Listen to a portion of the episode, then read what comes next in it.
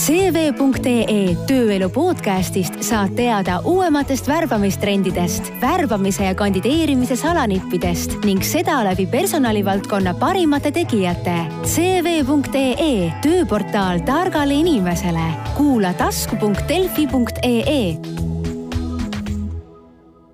üle pika aja kuulate taas Tööelu podcasti. Äh, ja see on saade, mis räägib äh, peaasjalikult nendel teemadel, kuidas inimestel oleks parem töötada. et neil oleks tööl lõbusam, saaksid rohkem palka ja, ja kohvi oleks maitsvam või vähemalt äh, üritame neile selgeks teha, kuidas seda nõuda oma tööandjalt. ja noh, teisipidi on see saade ka tööandjatele, kes võiksid saada siit infot ja ideed sellest, mismoodi seda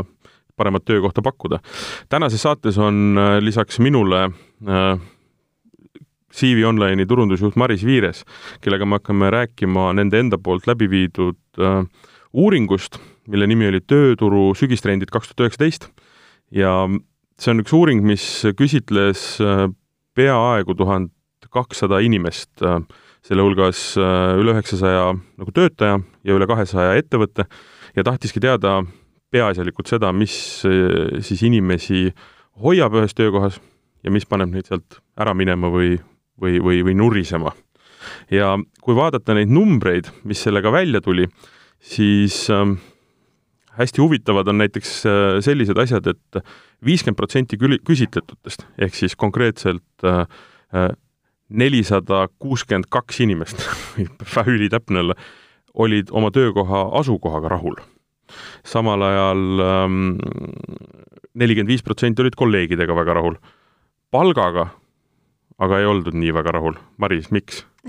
tere, tere! Äh, jah, no palk on ajast ja arust olnud hästi oluline inimeste jaoks, et, äh, et see selles mõttes justkui üllatusi ei olnud, aga võib-olla lihtsalt see, see oli suur üllatus meie jaoks, et ähm, et miks me ikkagi räägime sellest, et äh, üks tahab ühte, teine tahab teist, et eraisikute jaoks või ütleme siis inimeste jaoks, kes töötavad erinevates organisatsioonides, on palk nende nii-öelda baasvajaduse üks osa, eks ju, selle eest endale võimaldatakse paremat elu,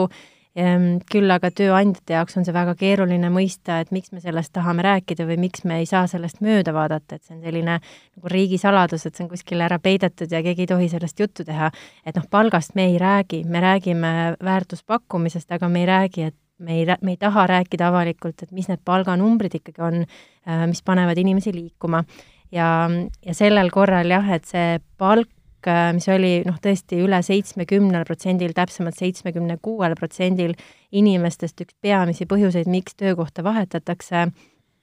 mm,, sundis meid äh, natukene rohkem sinna sisse ka kaevama, et me mitte ainult ei tahtnud võrrelda siis äh, nii-öelda eelmise aasta tulemustega, vaid ka üle-eelmise aasta tööturutrendide tulemustega, seda palgaosa ja, ja sellel aastal siis paneme ka sinna sisse natukene spetsiifilisemaid küsimusi, et, et lihtsalt just, et tööandjat aidata ähm, oma tööpakkumiste koostamisel ja, ja just nagu palga sellisel pehmemal avamisel, et ma saan aru, et hirm on. aga see uuring, äh, te seda uuringut ju ei teinud sellepärast, et saada teada, mida inimesed palgast arvavad. see ei. palga küsimus ja palgateema tuligi täitsa ootamatult äh, nii teravalt sellest uuringust välja? jah ähm,, jah, ütleme nii, et kui me eelmine aasta küsisime ka palga kohta, et siis äh, noh, teatud mõttes need protsendid olid üsna sarnased äh,, mis puudutas ka palka, et noh, et tõesti, et põhjus, miks inimesed tahavad töökohta vahetada, siis noh, tõesti ju seitsmekümnel, seitsmekümne viiel, kuuel protsendil inimestest on palk olnud kogu aeg hästi oluline, aga äh, küll me sellel aastal tahtsime eraldi veel küsida, et, et näiteks, et äh, töökuulutus, mille juures on palk, et kas ta, kas ta mõjutab inimest ühte või teistpidi käituma, et et kui täna tööandjad ütlevad, et nad, äh, nad näevad, et kandidaate on vähemaks jäänud või kandidaadid ei klikka nende töökuulutuse mhm. peale, siis meie küsimus on see, et, et kas nad ei klikka sellepärast, et äh, see on visuaalselt mitteatraktiivne, kas sellepärast, et seal on vähe infot, kas see on liigne udutamine äh, või, või on see sellepärast, et palka pole ja see, et palka ei ole, äh, puudutas inimesi väga tugevasti ja, ja me saime jälle vastuse et, et seitsmekümne protsendi jaoks on see niivõrd oluline, et tänu sellele nad üldse avavad seda töökuulutust. me räägime siin sellest, et äh töökuulutus, kus on noh, kirjas kõik asjad, mis äh, tööandja pakub ja mida töövõtjalt eeldatakse, selle konkreetse nimekirja lõpus ei ole seda numbrit, mis oleks äh, siis iga kuu oodatav pangakontole, eks ju. just, ja noh, ma ütlen, tööandja, ütleme siis tööotsija või ütleme, tööl käija võib ise mõelda täna, et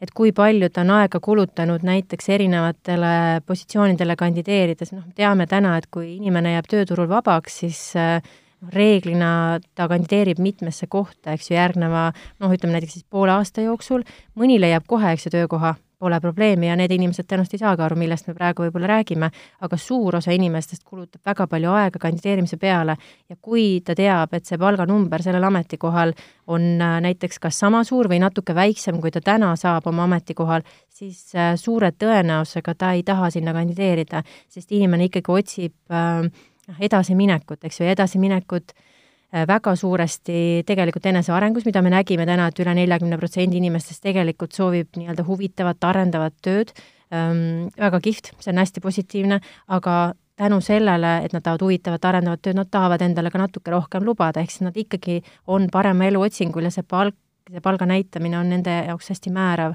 et ehk siis, kui sa alles nii-öelda lõppvoorus, mis tihtilugu kandideerimisel on viiendal-kuuendal nädalal, eks ju, võib-olla isegi mõnel on pikem protsess, saad sa teada järsku, et Martin, et äh, maksame sulle kolmsada eurot mhm. vähem,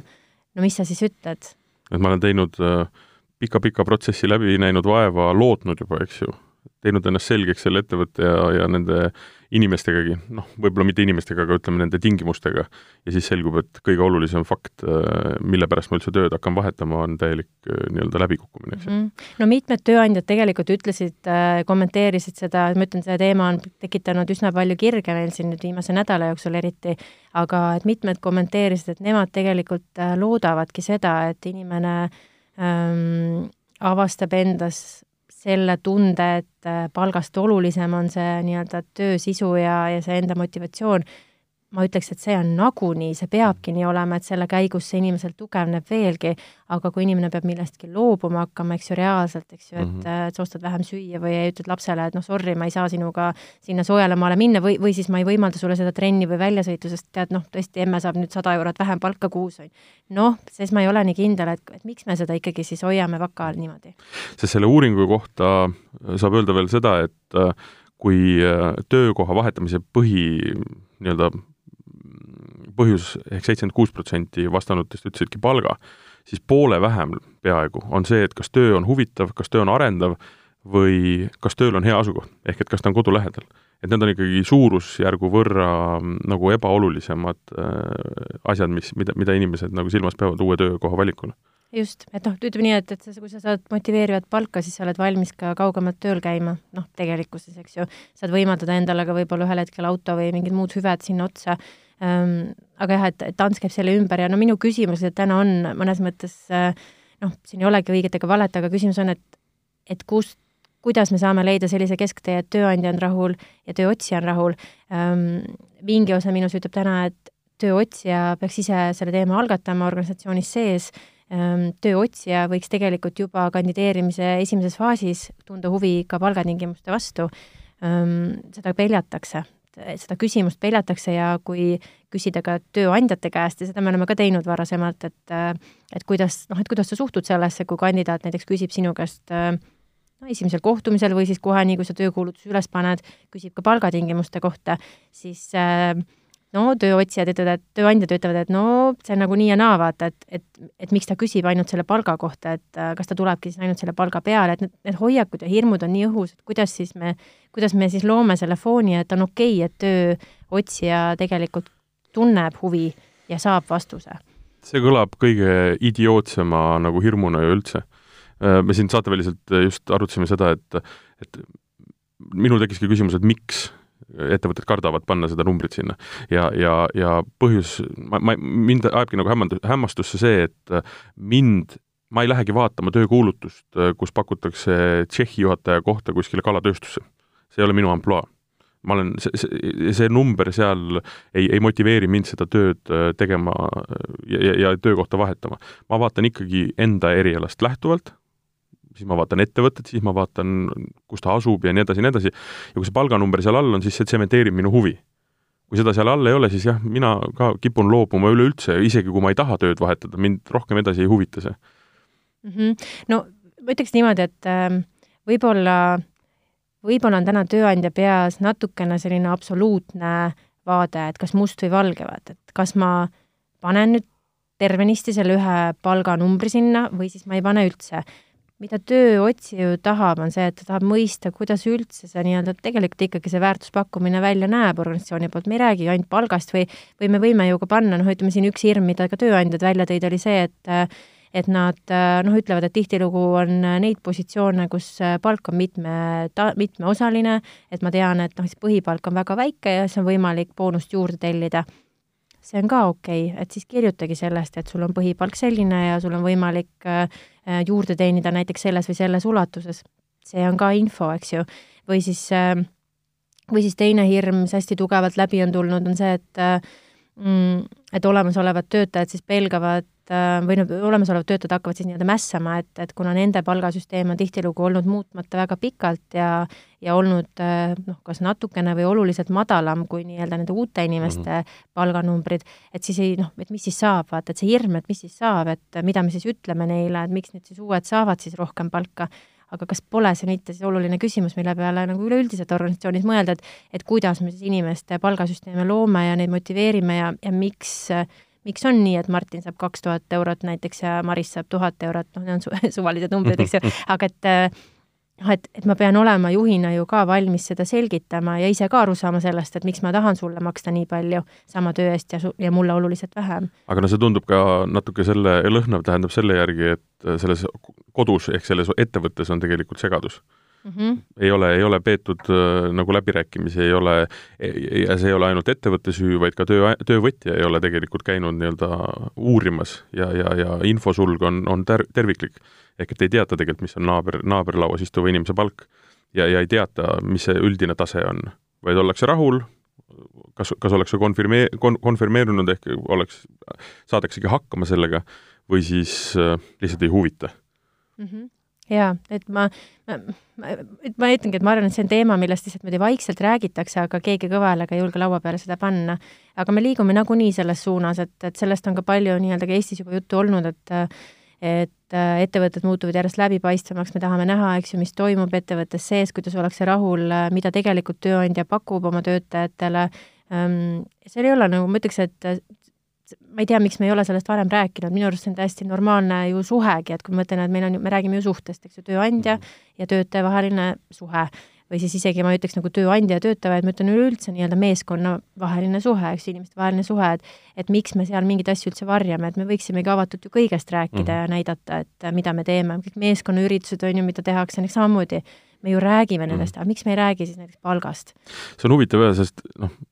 paralleel tõmmata lihtsalt päevas on kakskümmend neli tundi, kaheksa tundi sellest sa veedad nii-öelda piltlikult öeldes magades, mis tähendab seda, et kui sa veedad ühe kolmandiku oma elust kuskil, siis see nii-öelda voodi või madrats võiks olla nii-öelda maailmatasemel, eks ju. ja samamoodi, kui sa nüüd hakkad oma järgmist kolmandikku sellest päevast investeerima ühte kohta,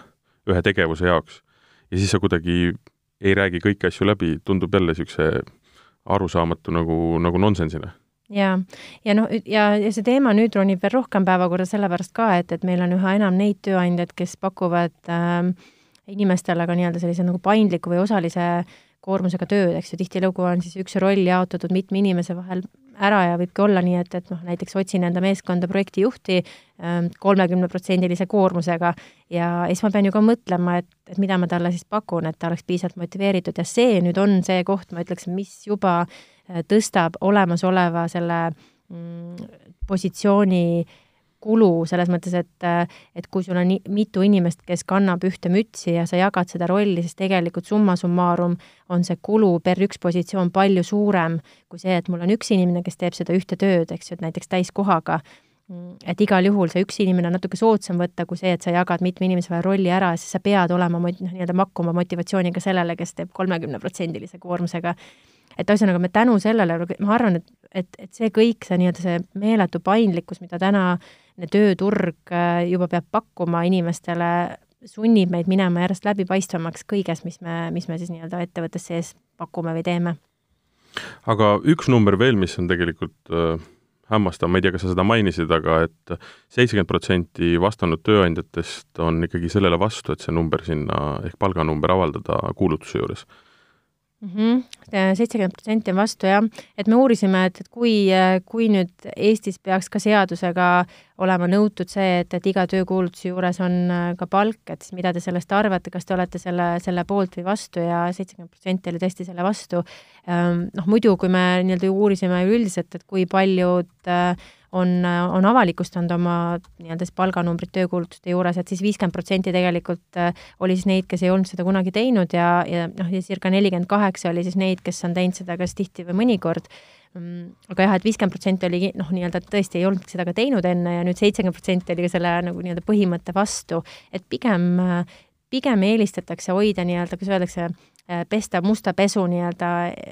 kodus, on ju, et ei taheta näidata päriselt, kuidas need protsessid on üles ehitatud. aga see on, ma ütlen, minu jaoks on see üks pisike märk sellest, et äh, et seal võib olla väga palju muid protsesse äris, mida me veel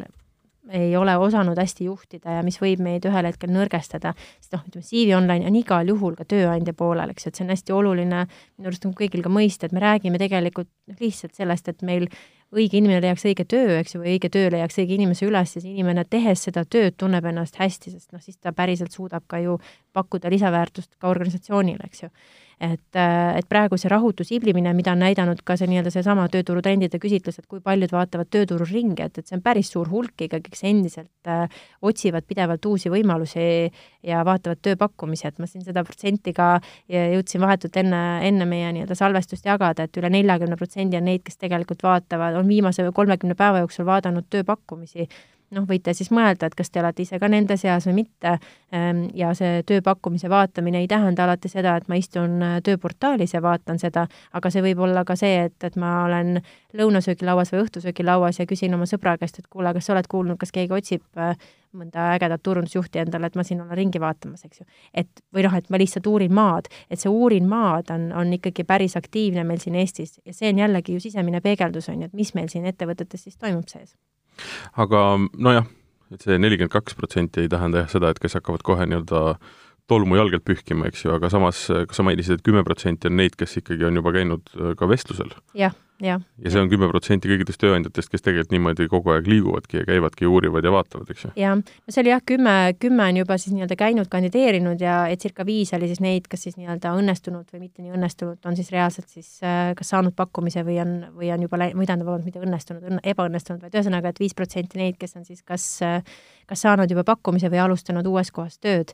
ja see läheb kokku ka sellega, et, et kui me ka küsisime, et kui paljud äh, teist tunnevad, et te olete täiesti valel, vales kohas tööl või suisa, et teil on ebamugav tööl olles igapäevaselt ja ja seal oligi kolmteist kuni viisteist protsenti oli siis neid inimesi, ehm, põhimõtteliselt tuhande inimese seas, kes, kes tunnevadki, et nad on valel töökohal noh, ja see läheb kokku, eks ju, selles mõttes ongi, et need viisteist protsenti sisuliselt on need, kes aktiivselt praegu toimetavad ja kandideerivad, ähm, kas siis õnnestunud või mitte nii õnnestunud, aga soov või, rahutus vaadata tööturu ringi on oluliselt suuremal protsendil mm. -hmm. et kui me täna teame, et ainult noh, umbes kolmkümmend protsenti inimestest on rahul oma töökohaga ja, ja, ja umbes sama palju, kakskümmend üheksa protsenti on rahul oma palgaga, siis, äh, siis mis need ülejäänud on et mis neil siis seda rahulolematust valmistab täna? no ük, üks teema, mis veel on noh, hästi oluline ja hakkab tõusma, ongi see küsimus, et palk ei ole ainukene nii-öelda kuidas ma siis ütlen, maksevahend tööandja ja töövõtja suhtes. et kunagi kuskil tehti see võrdlus, et ähm, kui näiteks pakutakse ühele inimesele palgaks viis tuhat eurot, aga teisele täpselt sama töökohta mõni teises firmas pakub äh, palgaks neli tuhat viissada Äh, aga sinna juurde on äh, tasuta siis spordiklubi külastus, tasuta, ma ei tea, kohvi, tasuta see ja too ja kolmas ja neljas asi, äh, ja nimekiri saab palju pikem, kuigi kumulatiivselt kokku saab näiteks, on kulu neli tuhat üheksasada eurot. siis see protsent, mis vali, kes valivad selle nii-öelda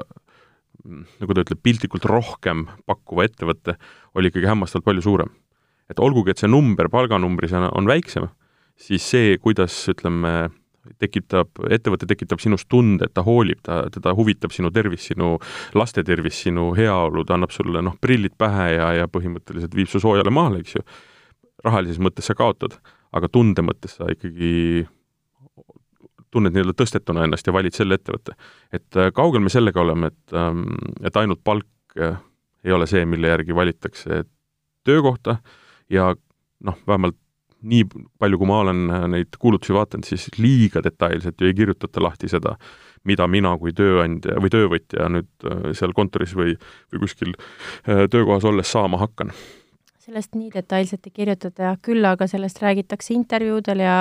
ja sellest räägitakse nii-öelda siis meeskonna, meeskonda toomisel, ehk siis nii-öelda selline ingliskeelne väljend nagu onboarding plan, et, et on organisatsioone, kus on selgelt siis kirjeldatud, et kuidas uut inimest siis meeskonda tuuakse, kinnistatakse, kuidas väärtusi edasi antakse, kuidas teda nii-öelda äh, poputatakse ja näidatakse, mis kõik meie juures on äge. Mm, kui sa küsid, et kui paljud seda teevad, ähm, noh, me näeme seda, et iga aastaga üha rohkem seda tehakse ja, ja see on, vaata see on nagu, ma ei tea, kohati tahaks öelda, et see on natuke nagu sunniviisiline ähm, lükkamine ka, sellepärast et äh, kui äh, jällegi ma ütlen, mulle meeldib mõelda, et kui sa lähed näiteks sõbrale külla ja ja üks sõber pakub sulle ähm, küllaminekul praadi ja õlut, eks ju, ja teine sõber pakub sulle tassi teed, aga noh, sulle tegelikult väga maitseb õlu ja, ja praad ka, on ju, siis sa pigem tõenäoliselt lähed sinna järgmine kord, kus saad sa praadi ja õlut. et noh, see on, see on lihtsalt me, inimene oma loomult on, eks ju, mugav ja armastab head elu ja, ja kui nüüd tööandjad ähm, ka nüüd pakuvad, noh järjest me näeme, eks ju, kes pakub siin tõesti, eks ju, sportimisvõimalusi erinevaid, siis kui ma kandideerin kuskile mujale, siis ma tegelikult juba ise küsin, et kas teil on ka muidu spordipakett äh, võimaldatud, eks ju, sest võib-olla kümme aastat tagasi või kakskümmend aastat tagasi ma ei osanud sellest juttugi teha, täna ma juba oskan. Ehm, ja mida me oleme oma majas värbajatega arutanud, on see, et, et päris suured trendiloojad on täna IT-ettevõtted, et kui vaadata lihtsalt, äh, kui mõelda näiteks, et mis on meie tulevik ettevõtetes, kui me räägime üldse nagu väärtuspakkumisest kui sellisest, eks ju, siis äh, mõnes mõttes tulevikku me näeme nende IT-ettevõtete pealt, sest äh, väga suur osa nendest asjadest, mis täna on jõudnud meie kõikide teiste ettevõtete sekka, on tulnud, saanud alguse sealt. et ähm, et noh, ütleme täna näiteks, mis me veel näeme, on ju, et kui võtame äriettevõtetes, ütleme IT-valdkonnas juba tehakse nii-öelda sellist psühholoogilist nõustamist, neil on nii-öelda äri coach'id äh, ettevõtetes sees, siis noh, enamikes ju ei ole, on ju, kui sa lähed näiteks ma ei tea, teenindusvaldkonda, tootmisvaldkonda, seal ei ole veel sellist asja. aga see on ainult aja küsimus, et me räägime täna väga palju ka inimeste vaimsest tervisest ja selle toetamisest ja, ja see ongi see küsimus, ahah, kuidas me saaksime tagada selle, et meie inimesed oleks maksimaalselt kaua meie juures rahul, sest see periood on läinud ju järjest lühemaks, kaua üks inimene ühes ettevõttes tahab töötada ja ja kas ta on lojaalne ühele või ta on lojaalne kolmele samal ajal, eks ju, et siis äh, siis jah, ma ütleks, et täna tööandja lihtsalt vaatabki, ahah, mis on mu võimekuse piir, vaata, et mida ma saan nende vahenditega pakkuda, mis mul on, kui palju mul on raha üldse selleks, et seda kõike teha. ja, ja kui mul ei ole raha, siis ma teen üsna lihtsaid asju, et a la noh, teemegi näiteks hommikuvõimlemise üks kord nädalas või iga hommik, eks ju, see ei küsi minu käest väga raha tööandjana, ma ei saa viia neid inimesi näiteks Barcelonasse näiteks kaks korda aastas või kuhu iganes, eks mm -hmm. ju. Mhm. osad saavad seda teha, sest neil on lihtsalt palju suuremad äh, käibed ja kasumid. aga küsin lihtsalt hästi lihtsalt ära, olete te uurinud seda ja või vaadanud või tead sa öelda, kui palju inimesi tegelikult üldse see huvitab, et ta saab kohvitööl? Mm.. ja, ja paneme selle kohvi nii-öelda jutumärkidesse, võtame siin kõik selle väärtuspakkumise, mis on lisaks või, või, või kõr-, nii-öelda selle palga kõrval. kas teda üldse huvitab see? või kui paljusid huvitab? ja kas on mingid valdkonnad, kus see nagu huvitab rohkem, noh, jätame IT jälle välja, sest et noh, seal on selgelt, müüakse nii-öelda pingpongi ja, ja, ja siis muude asjadega ka, mitte ainult palgaga mm. -hmm. no konkreetne kohvi ja tee näide on sul väga hea kui sa niimoodi küsid, siis justkui ei huvita see väga paljusid, on ju, see, see sellepärast, et see on eeldus omaette, et see on sul juba olemas seal, kui sa lähed tööle. küll aga meil on näiteks tööandjad jaganud oma kogemust, et mis juhtub siis, kui nad järsku äh, panevad äh, tasu külge kohvile ja teele, et iga kord, kui sa võtad, sa pead näiteks oma kiibiga seal äh, masina ees vehkima ja siis sul läheb näiteks kuu alguses palgast maha nii-öelda siis mingi ühik, mingi arv ühikuid ja see ei meeldi inimestele, sest kohv ja tee justkui on asi, mis sul on ju enne olnud ja nüüd ühtäkki sul ei ole. pigem ma ütleks, et äh, inimesed, me räägime mingist normaalsusest, mis sul peab olema, eks ju. normaalsus täna mida oodatakse tööandjalt, äh, mis läheb selle hulka, mida sa räägid praegu, on see paindlikkus. see, et äh, mul on võimalik võtta pause siis, kui mina tahan pausi võtta, mul on võimalik käia keset tööpäeva arsti juures, eks ju, sellepärast et minul on see vajadus või, või siin nagu inimesed räägivad, et mul on juuksuri aeg, eks ju, ma pean saama seal ära käia, ma ei hakka ju õhtul sinna minema ometigi. et need on mingid sellised asjad, mida võib-olla tõesti mõned aastad tagasi tööandja veel ei mõelnud nii palju, et ta peab selle kõigega arvestama, aga täna ma ütleks, et noh, see paindlikkuse osa tõuseb iga aasta nagu hüppeliste protsentidena. ühesõnaga, et ähm, mina, mina kirjeldaks seda selliselt, et äh, tööandja peab aru saama, et töötaja kui ta on loja-, tähendab, kui ta on tööle võetud ja sa oled selgeks saanud, et ta on lojaalne, siis sa ei pea teda nagu last eh, nii-öelda võtma käe kõrvale ja viima töökoha juurde ja panema ta midagi tegema, et ta suudab ise oma peaga mõelda. ja, ja ja, sa saad, sest oluline on see, et töö on tehtud, töö on tehtud õigeks ajaks, töö on tehtud selleks hetkeks, kui järgmine inimene saab selle üle võtta, ülejäänu ei mängi ju tegelikult rolli, eks ju. Ja muidugi ma ütlengi, et me, me võime praegu sinuga ka vesteldes liiga palju võtta asju oma mätta otsast kohalt, eks ju, oma töörollidest, et töörolle on hästi erinevaid, et on, on rolle, kus sa pead palju rohkem piirama ja juhtima ja võib-olla sul on selgemad raamid, noh, me me täna, eks ju, näemegi, eks ju, teenindusvaldkonnas, tootmisvaldkonnas on natuke teised reeglid kui võib-olla noh, tõesti näiteks siin meediavaldkonnas, eks ju, et, et, et see sõltub jah, et kes sa täpselt oled ja mis tööd sa teed, aga üleüldiselt on jah see, et, et rohkem vastutust ja enesejuhtimist ja rohkem inimese kesksust äh, ja võib-olla, mis on äh, oluline täna, mida ma näen äh, ka üha tihemini, on, on see rollide selgus, et inimesed saavad aru, mis tööd nad üldse teevad ja kuhu maani nende vastutus siis äh,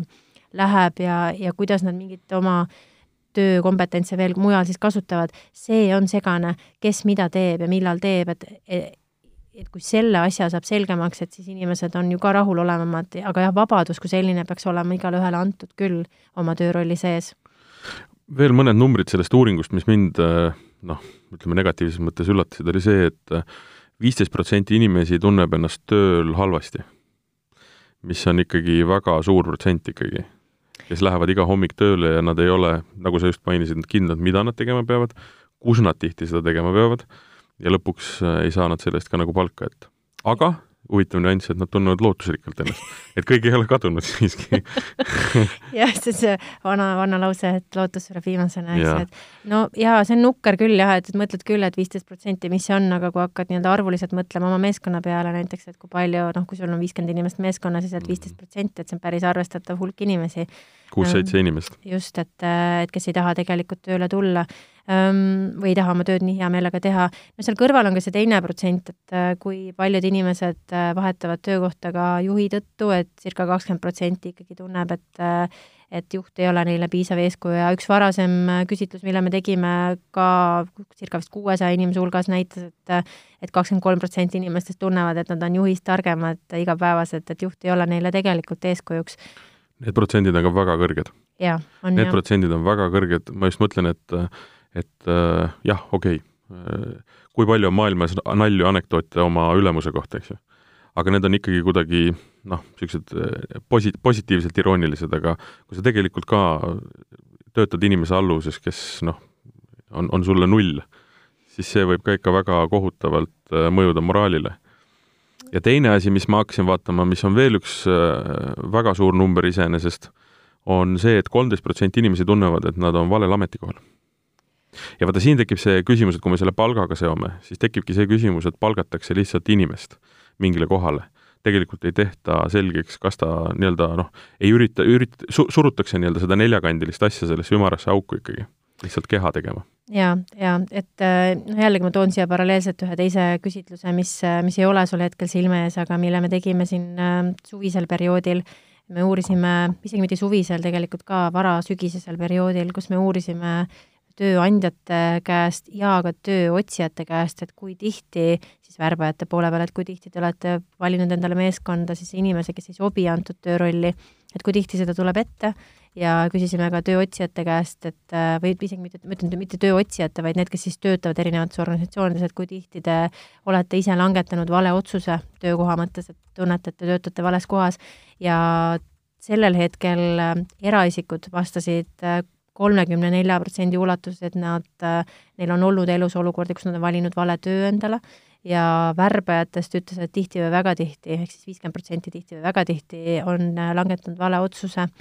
Siin on hästi palju erinevaid noh, ma ütleks nagu hüpoteese, mida peaks kontrollima, et noh, paljuski me näeme seda ju oma töös igapäevaselt, et mis selle võib tingida. Mida tööandjad tõid esile, on see, et, et mis see põhjus on, et on vale inimene valitud meeskonda, et üks oli siis see, et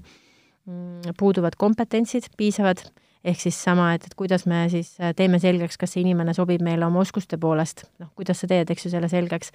kas sa vaatad ainult CV-d või sa päriselt paned inimest ka mingit proovitööd tegema või ta kutsub proovipäevale, ja teine oli, ei sobi, inimene, inimene ei sobi nii-öelda organisatsiooni väärtustega kokku, ja see on ka hästi suur probleem, eks ju, et, et kus siis need käärid on, et kus me siis nii, kuidas me, kuidas me selle, kogu selle pika kandideerimisprotsessi jooksul siis äh, saame minna mööda sellest, et inimene ei klapi meie väärtustega, et kas, kas on mingi viis, kuidas me saaksime seda võimalikult varakult näha et need protsendid on väga-väga kõrged. Ja, ja noh, siin on, ütleme, üks hästi suur asi on see, et, et ettevõtted sageli ei tea, kuidas nende väärtused väljenduvad. Ja noh, ma ise oma ringkonnas olen sellest jube palju rääkinud ja tihtilugu juhid ütlevad mulle aga, et noh, et ma ei tea, need väärtused on ikka nii mull teema ja, ja ikka raha on vaja teenida ja mis ma ikka nendest väärtustest jahun. Aga päeva lõpuks on see kõik, et kas sa elad näiteks koos inimesega, kes arvab, et sa oled näiteks noh, ma ei tea, halb inimene näiteks, või et kes ei hooli sinust, et noh, kõik me soovime teatud väärtustega äh, inimesi enda ümber, eks ju, ja kui need on vastuolus meie enda omadega, siis me ei taha nendega koos lihtsalt olla.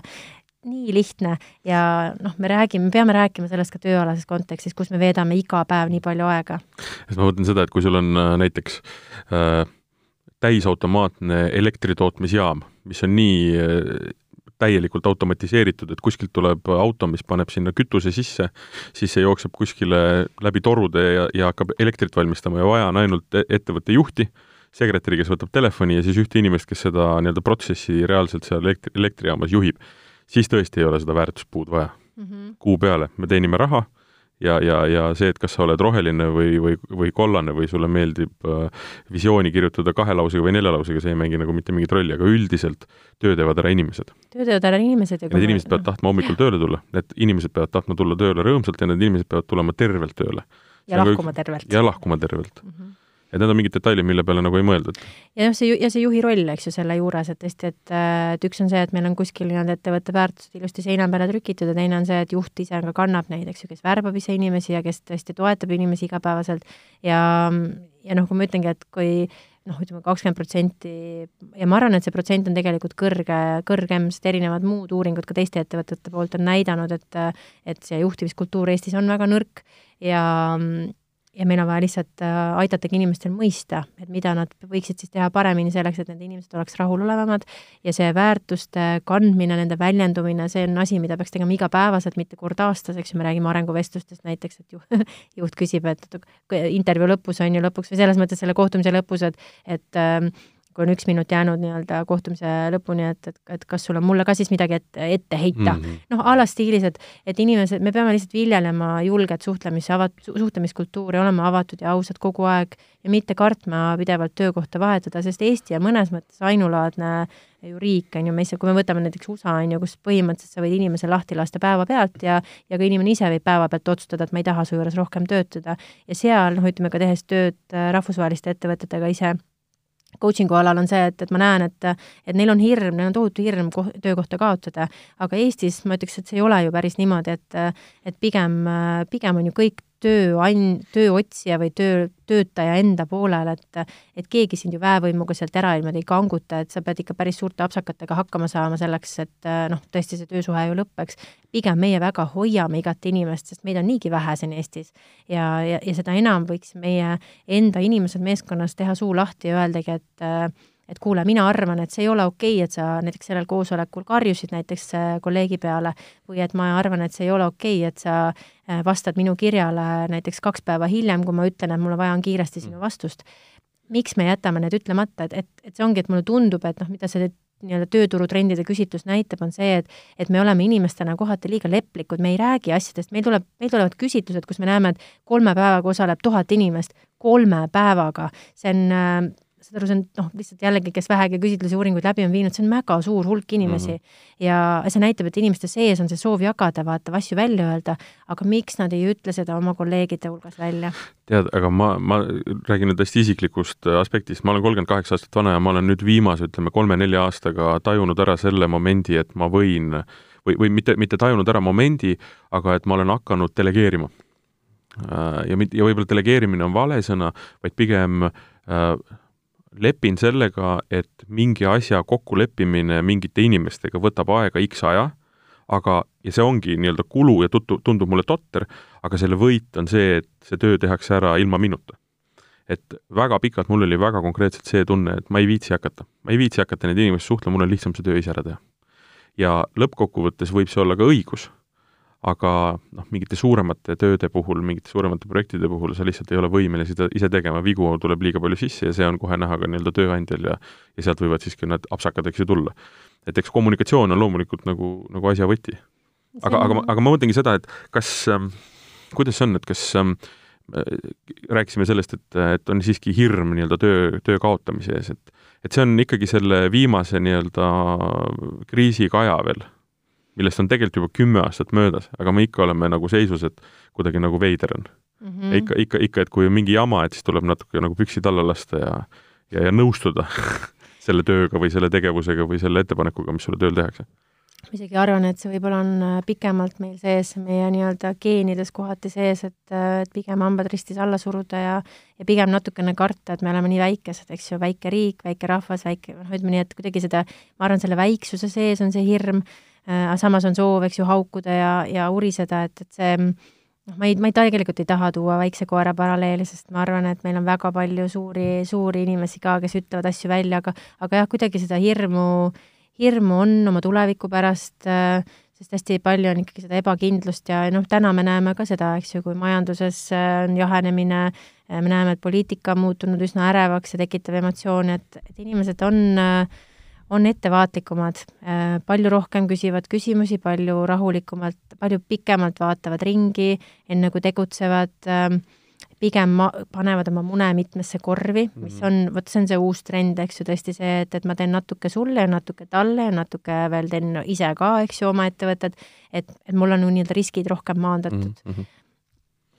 aga jah, see väljaütlemine, ma ütleks, et see on lihtsalt meil kuidagi hästi sügaval sees, et, et seesama on ju, kuidas see perekondadest hakkab peale, kuidas see koolidest hakkab peale, noh, lasteaedadest võib-olla ma nii palju ei räägiks, seal ma nii palju kursis ega ei ole, eks ju, aga aga jah, et kodudest ja, ja koolidest kindlasti see ju läheb lahti, et, et kas me räägime asjadest, on ju, kas me ainult kuulame, noh, see ongi see, et kus inimene õpib, on ju, kas me kuulame või, või me räägime aktiivselt kaasa. Ja see on huvitav, et noh, see läheb juba kommunikatsiooniteooriasse, aga aga see on küsimus sellest, et äh, ei ole ainult küsimus, kuidas öeldakse, vaid on ka noh, küsimus sellest, kuidas vastu võetakse. ja tavaliselt tekibki see, et äh, vastu võetakse Eesti, eestlaste, eestlased võtavad mingit kriitikat ikka ilgelt, õudselt valuliselt vastu. ja valulisus on tunda ruumis on tunda seda, kui, kui kaks inimest nii-öelda on konfrontatsioonis. ja, ja konfrontatsioonis, mis tegelikult võiks olla äärmiselt lihtne dialoog jah, võib-olla on natukene kõrge, no mitte kõrgendatud hääl, aga ütleme, kõrgendatud emotsioon ja, ja, ja vesteldakse mingil teemal äh, nagu jõuliselt. aga see ei tähenda seda, et rünnatakse isiklikult. see tähendab seda, et minul on arvamus, sinul on arvamus ja sellest ei, pärast ei pea minema nii-öelda üksteisel autol kumme tühjaks laskma, et sa solvasid mind mm. -hmm. ja see mingisugune niisugune naljakas nagu tunne on, et, äh, et ütle ausalt, ole avatud ja ära kõik ja teiselt poolt ära võta kõiki asju nagu südamesse ja täieliku kriitikana, noh et, et ei, seda öeldes ma ei arva, et sa oled täielik mölakas ja seda öeldes ma ei arva, et sinu töö on täiesti noh, mõttetu ja, ja igav ja, ja, ja, ja, ja tulutu, eks ju mm. -hmm. ma ei mõtle seda, ma mõtlen seda, et sa siin tegid vea või, või et teeme niimoodi või minu mõte on nagu parem selgelt sinu meelest. samamoodi on selle palgaga, et kas ja. see panna välja. mul tegelikult selle palgaga tekkis see küsimus veel, et ähm, kas seda ei saanud või seda ei küsinud, et äh, et kui palk, number panna välja et siis seda võetakse kuidagi nagu konkreetse, ütleme, konstandina. et kuulutuses on väljas kolm tuhat eurot, ma lähen sinna, ma olen sellega arvestanud, that's it. kui saan töö, siis on hästi, kui ei saa tööd, noh, lähen järgmisse kohta. aga et kui seda numbrit ei ole sinna välja pandud, et siis me saame nagu läbi rääkida. sina ütled tuhat, mina ütlen neli tuhat, lõpuks saame seal kuskil kolme tuhande veel kokku, noh et, et et kas, kas see, see osa ka kuidagi sai seal uuringus küsid-, kajastatud või, või, või, või on sul endal selle kohta arvamus, et jaa, me küsisime, küsisime küll selle kohta, et, ähm, et kui palju palk äh, muutub selle, selle kandideerimisprotsessi käigus, isegi kui ta on välja öeldud. ma praegu peast äh, ei oska sulle kohe nüüd öelda, ma äh, kohe, kohe saan sulle järgi selle vaadata, äh, see on nii tore.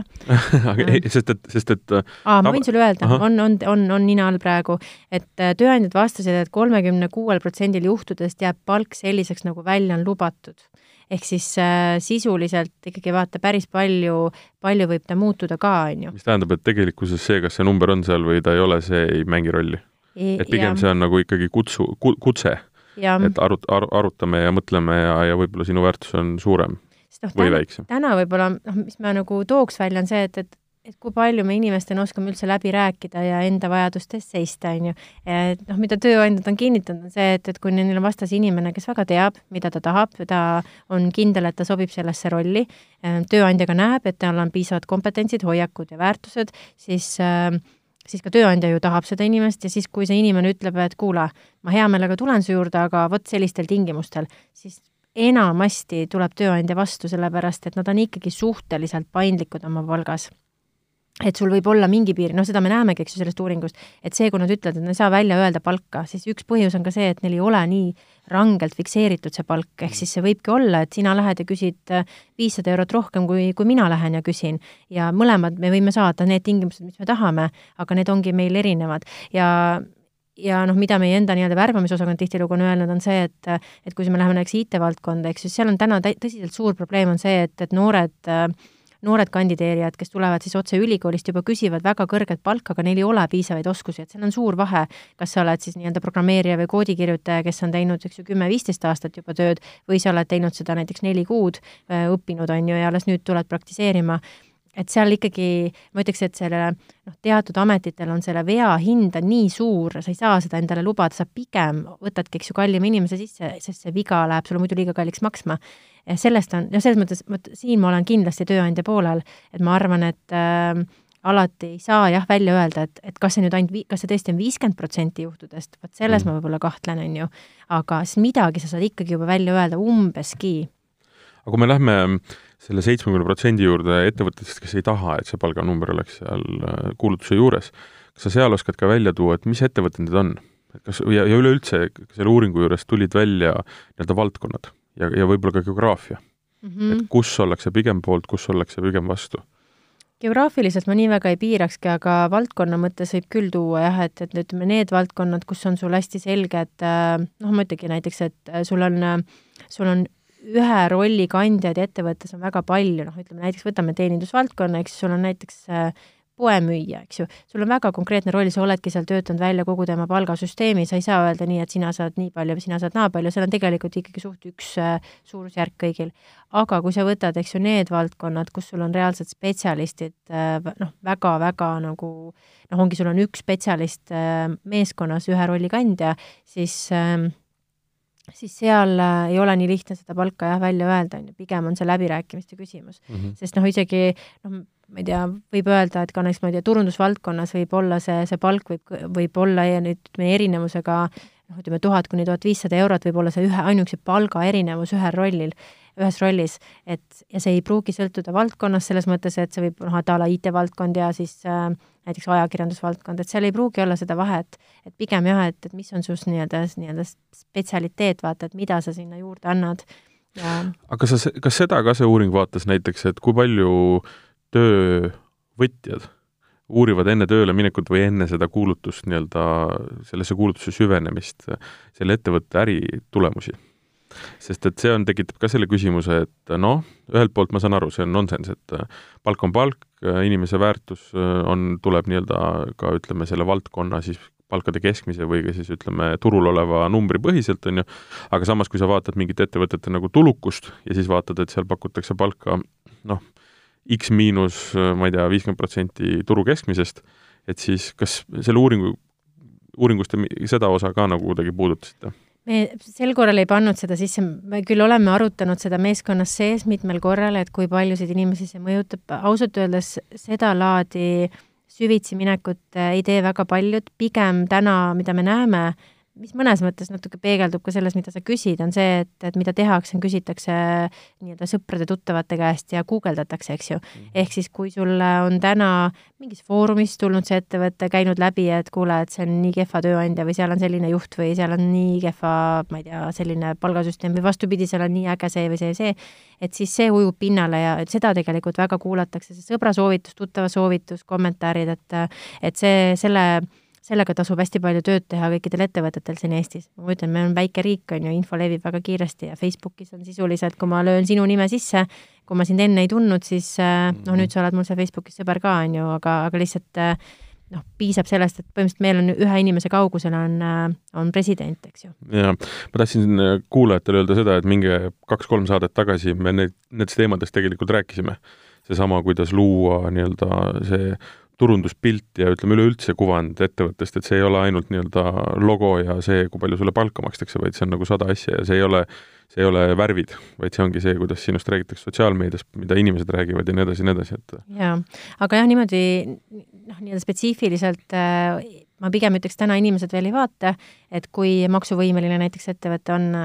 aga jah, küll, küll käiakse ettevõtte kodulehekülje peal ja, ja vaadatakse noh, tõesti üleüldist pilti, vaata, et kas see mõjub usaldusväärselt, et see usaldusväärsus ja turvatunne on inimeste jaoks väga oluline praeguses seisus küll. Ja ma arvan, et üha rohkem nüüd järgnevatel aastatel, eks ju, kui me näeme, et et natuke ebastabiilsemaks see turg nüüd läheb, siis,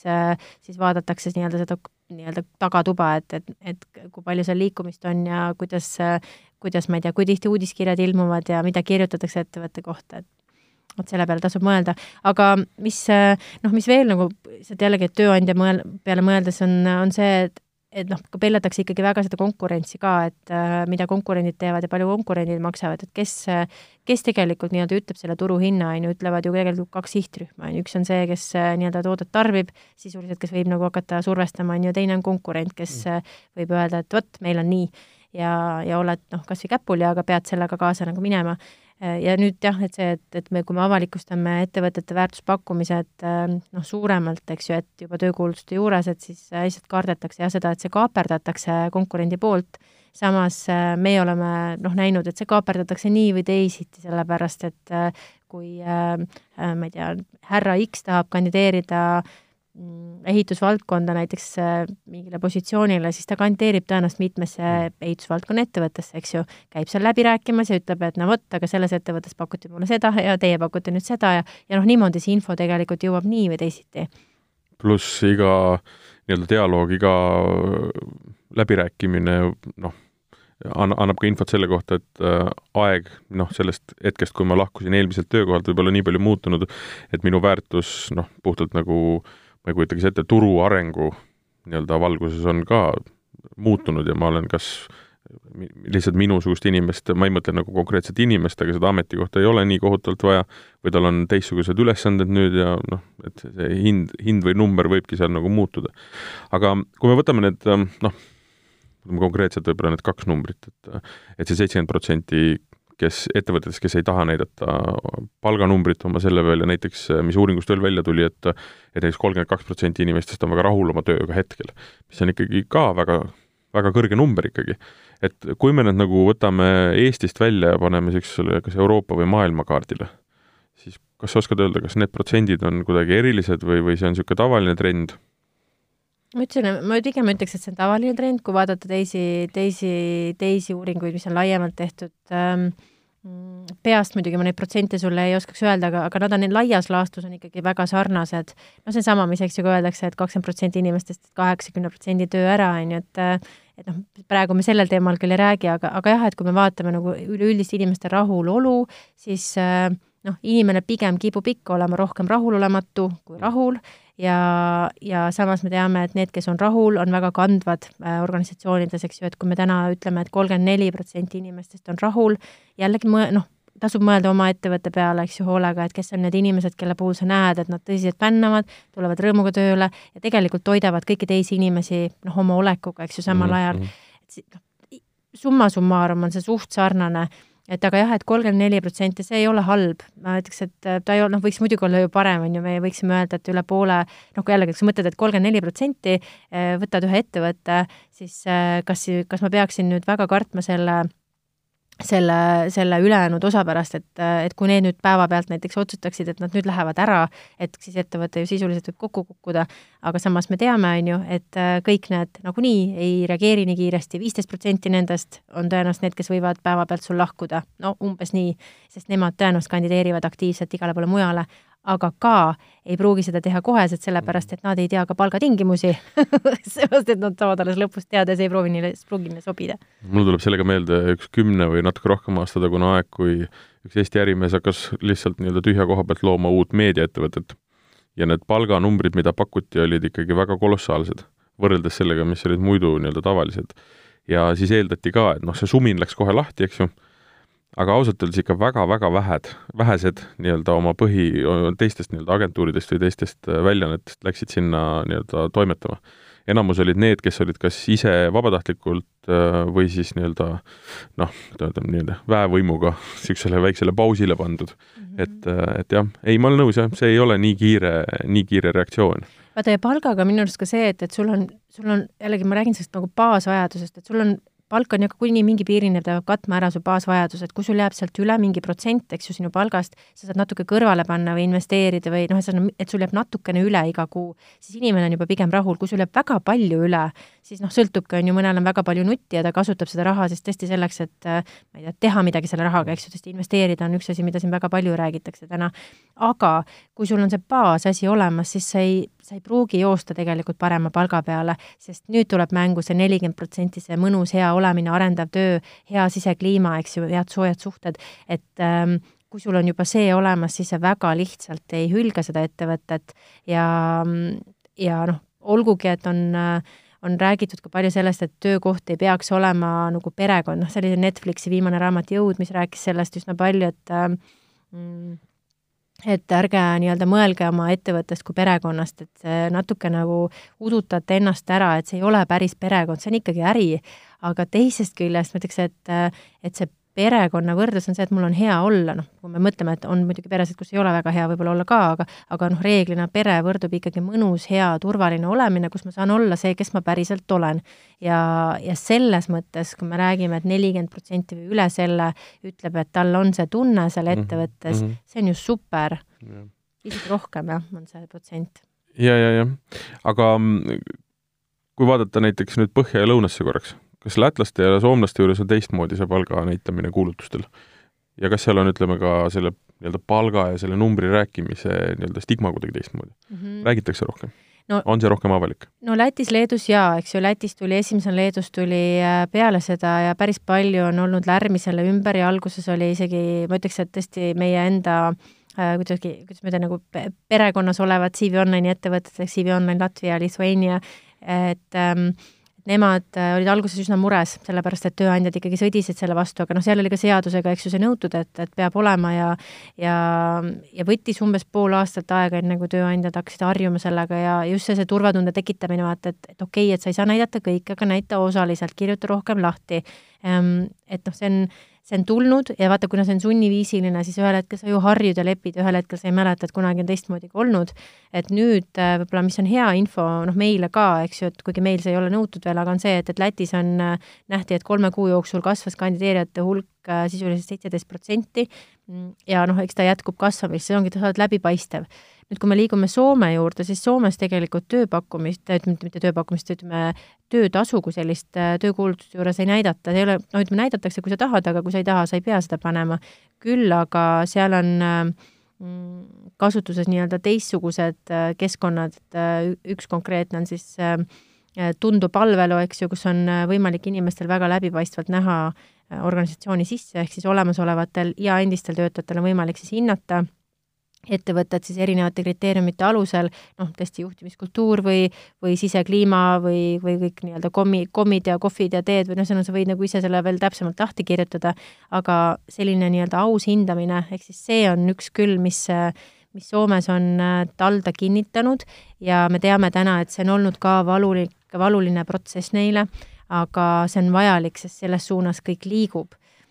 et aga jah, et äh, ma ütlengi, et palk on ainult pisikene osa, aga me liigume selles suunas, et ettevõtted üleüldiselt näitaksid oma nii-öelda tagatuba meile rohkem. aga kuidas, kuidas nad saavad seda näidata? see on, see on alati niisugune küsimus, et noh, mis nad teevad siis, hakkavad tegema nii-öelda avatud ettevõtete päeva või, või, või kutsuvad siis inimesi noh, kutsuvadki, et tulge, registreerige, me näitame, kuidas töö käib või on see läbi praktika on see, see läbi, mille, mille, läbi mille see on mm? -hmm. see ongi erinevalt, on ju, et üks on see, mis me oleme ka varasemalt ühes saates rääkinud, et on nii-öelda see tööandja brändingu pool, kus oma töötajad siis kirjutavad, teevad videosid, näitavad, on ju, kõike noh, sama, mida me täna Instagramis näeme, eks ju, et kui kellelgi on äh, ettevõttes sünnipäev, eks ju, siis postitakse, postitatakse pilte, kuidas kedagi õnnitletakse või kellele midagi kingitakse või on meestepäev, on ju, kus näidatakse, mida meestele kõik, äh, ettevõtte meestele pakutakse seal ja tehakse, eks ju. et või no mis iganes see siis on, et, et on hästi läbipaistev, et kõik need tegevused, mis on siis äh, nii-öelda suunatud tiimile äh, mingit pidi, et siis neid näidatakse väljapoole ja mina, kes ma pole üldse seotud selle ettevõttega, lihtsalt leian selle ühel hetkel üles, on ju. Et see on üks pool, äh, teine pool noh, on seesama, et, et kui meil on olemas mingi keskkond, kus me saame reaalselt hinnata organisatsiooni avatumalt ja ausamalt ja ja mina, kui kandideerin näiteks mingisse ettevõttesse, siis ma näen, eks ju, mida olemasolevad ja endised töötajad on arvanud selle ettevõtte kohta, ma ütleks, et sinna meil on veel natuke maad minna, aga täna jah, kogu nii-öelda turunduse ja värbamise pool liigub küll selles suunas, et jah, näidata, et ongi, et ainus viis, kuidas sa inimest saad, on see, et sa näitad, kes sa oled. ja, ja siis see on ka see videos kirja, kirja või mõnes kirjutises, eks ju, et muud moodi sa ei saa, pluss need tõesti need avatud uste päevad, eh, proovipäevad ehk siis proovitööpäevad, et seda rakendatakse ähm, päris paljudes ettevõtetes, et tule tee üks proovipäev meie juures või ole töövari meie juures ähm,. et noh, siis sa ka näed, eks ju, kuidas me toimime. aga siiski noh, kokkuvõtvalt äh, suurim asi, mis inimesi ajab tööd vahetama, on ikkagi palk ja samamoodi ka suurim asi, mis ikkagi inimest nii-öelda räägib nii-öelda seda tööd vahetama või, või mitte vahetama, vaid ka seda tööd vastu võtma järgmises kohas, on ikkagi palk. Kõik see muu on oluline ja äge, aga see on ikkagi tegelikult nii, nagu noh, inglise keeles öeldakse pähklid, eks ju, peanuts väike osa sellest äh, mhm. tegelikust tervikust mm. -hmm. no ma ütlengi, et see on täpselt seesama, et sa lähed näiteks poodi, lähed ostma kohupiima või piima või, või saia või leiba, eks ju, sul on hästi palju erinevat valikut, sul on erinevad, erinevad tooted ja nüüd mõtle, kujutad ette, et sul on näiteks seal riiuli peal äh, viis erinevat jogurtit, neljal on olemas nende hind, ühel ei ole noh, millise sa siis võtad? kas sa lähed, hakkad jooksma selle hinnatu, noh, nii-öelda ilma hinnata pakiga mööda poodi ringi uurima, et palju see maksab? pakend võib olla üliäge, tekstsõnastus üliäge, eks ju, aga kas sa viitsid sellega jännata, et noh, mina täna ütlengi, et, et sa pigem, see on nagu baasinfo, noh, naljakas näide, on ju. ei, see ei ole naljakas näide. see, see on näide, millega me oleksime pidanud saadet alustama ja sellega oleks ka saanud saatele kohe tõmmata joone alla, see on väga-väga hea näide. Ja no ka sisuliselt on nii, et see on nagu baasvajadus, et me ütleme, et ilma rahata elada ei saa, järelikult see on minu baasvajaduse osa, järelikult näita mulle, palju ma siis seda saan. Ja siis räägime alles sellest kõigest muust, et kas seal on mustikad, maasikad sees või seal on väiksed karamellitükid, tükikesed või, või ma ei tea, mis iganes, eks ju, seal sees, aga see on kollast värvi, punast värvi, et, äh, et lihtsalt ma ütlekski, et, et me oleme kuidagi lasknud asjadel minna nii sellises, sellises suunas, nagu ta täna on läinud ja, ja nüüd, kui keegi ütleb, et oot-oot, et miks meil nii on, siis inimene justkui nagu tembeldatakse kas rumalaks või arrogantseks või, või noh, tal on midagi viga, vaata, et miks ta tahab teistmoodi käituda. aga, aga päriselt me võiksime ju küsida, et miks me varjame teatud asju, et kui see on nagu täiesti loomupärane meil. täiesti hämmastaval kombel ikkagi müüakse meile põrsast kotis, eks ju? jah, jah, ja me räägime sellest ju nagunii suurepärane, ma arvan, et äh, kõik, kes kuulasid, said natukene targemaks äh, selle uuringu osas, see suur uuring oli CV Online'i poolt läbi viidud tööturu sügistrendide uuring kahe tuhande üheksateistkümnendal aastal, mis, mille ettevõte viis läbi selle aasta oktoobris see on väga põnev uuring, minge CV Online'i kodulehele ja te saate seda sealt täpsemalt uurida. tööelu blogi on, on see, kus on üleval ka kõik need äh, uuringute artiklite kujul ka. ja tööelu blogis ongi, ongi artiklid, kus on ka lahti natukene kirjutatud neid erinevaid aspekte sellest ja minge vaadake, kas te olete nõus nende protsentidega või ei ole. Äh, mina olin saatejuht Martin Hanson, saates oli CV Online'i turundusjuht Maris Viires järgmises tööturusaates me jätkame samamoodi arutlust selle üle, kuidas on Eestis töötada ja ja, ja, ja kas peaks oma tööd vahetama või, või see ettevõte, kus sa, kus sa töötad, on tegelikult täitsa tore. nii et äh, järgmise korrani CV.ee tööelu podcastist saad teada uuematest värbamistrendidest, värbamise ja kandideerimise salanippidest ning seda läbi personalivaldkonna parimate tegijate. CV.ee tööportaal targale inimesele. kuula tasku.delfi.ee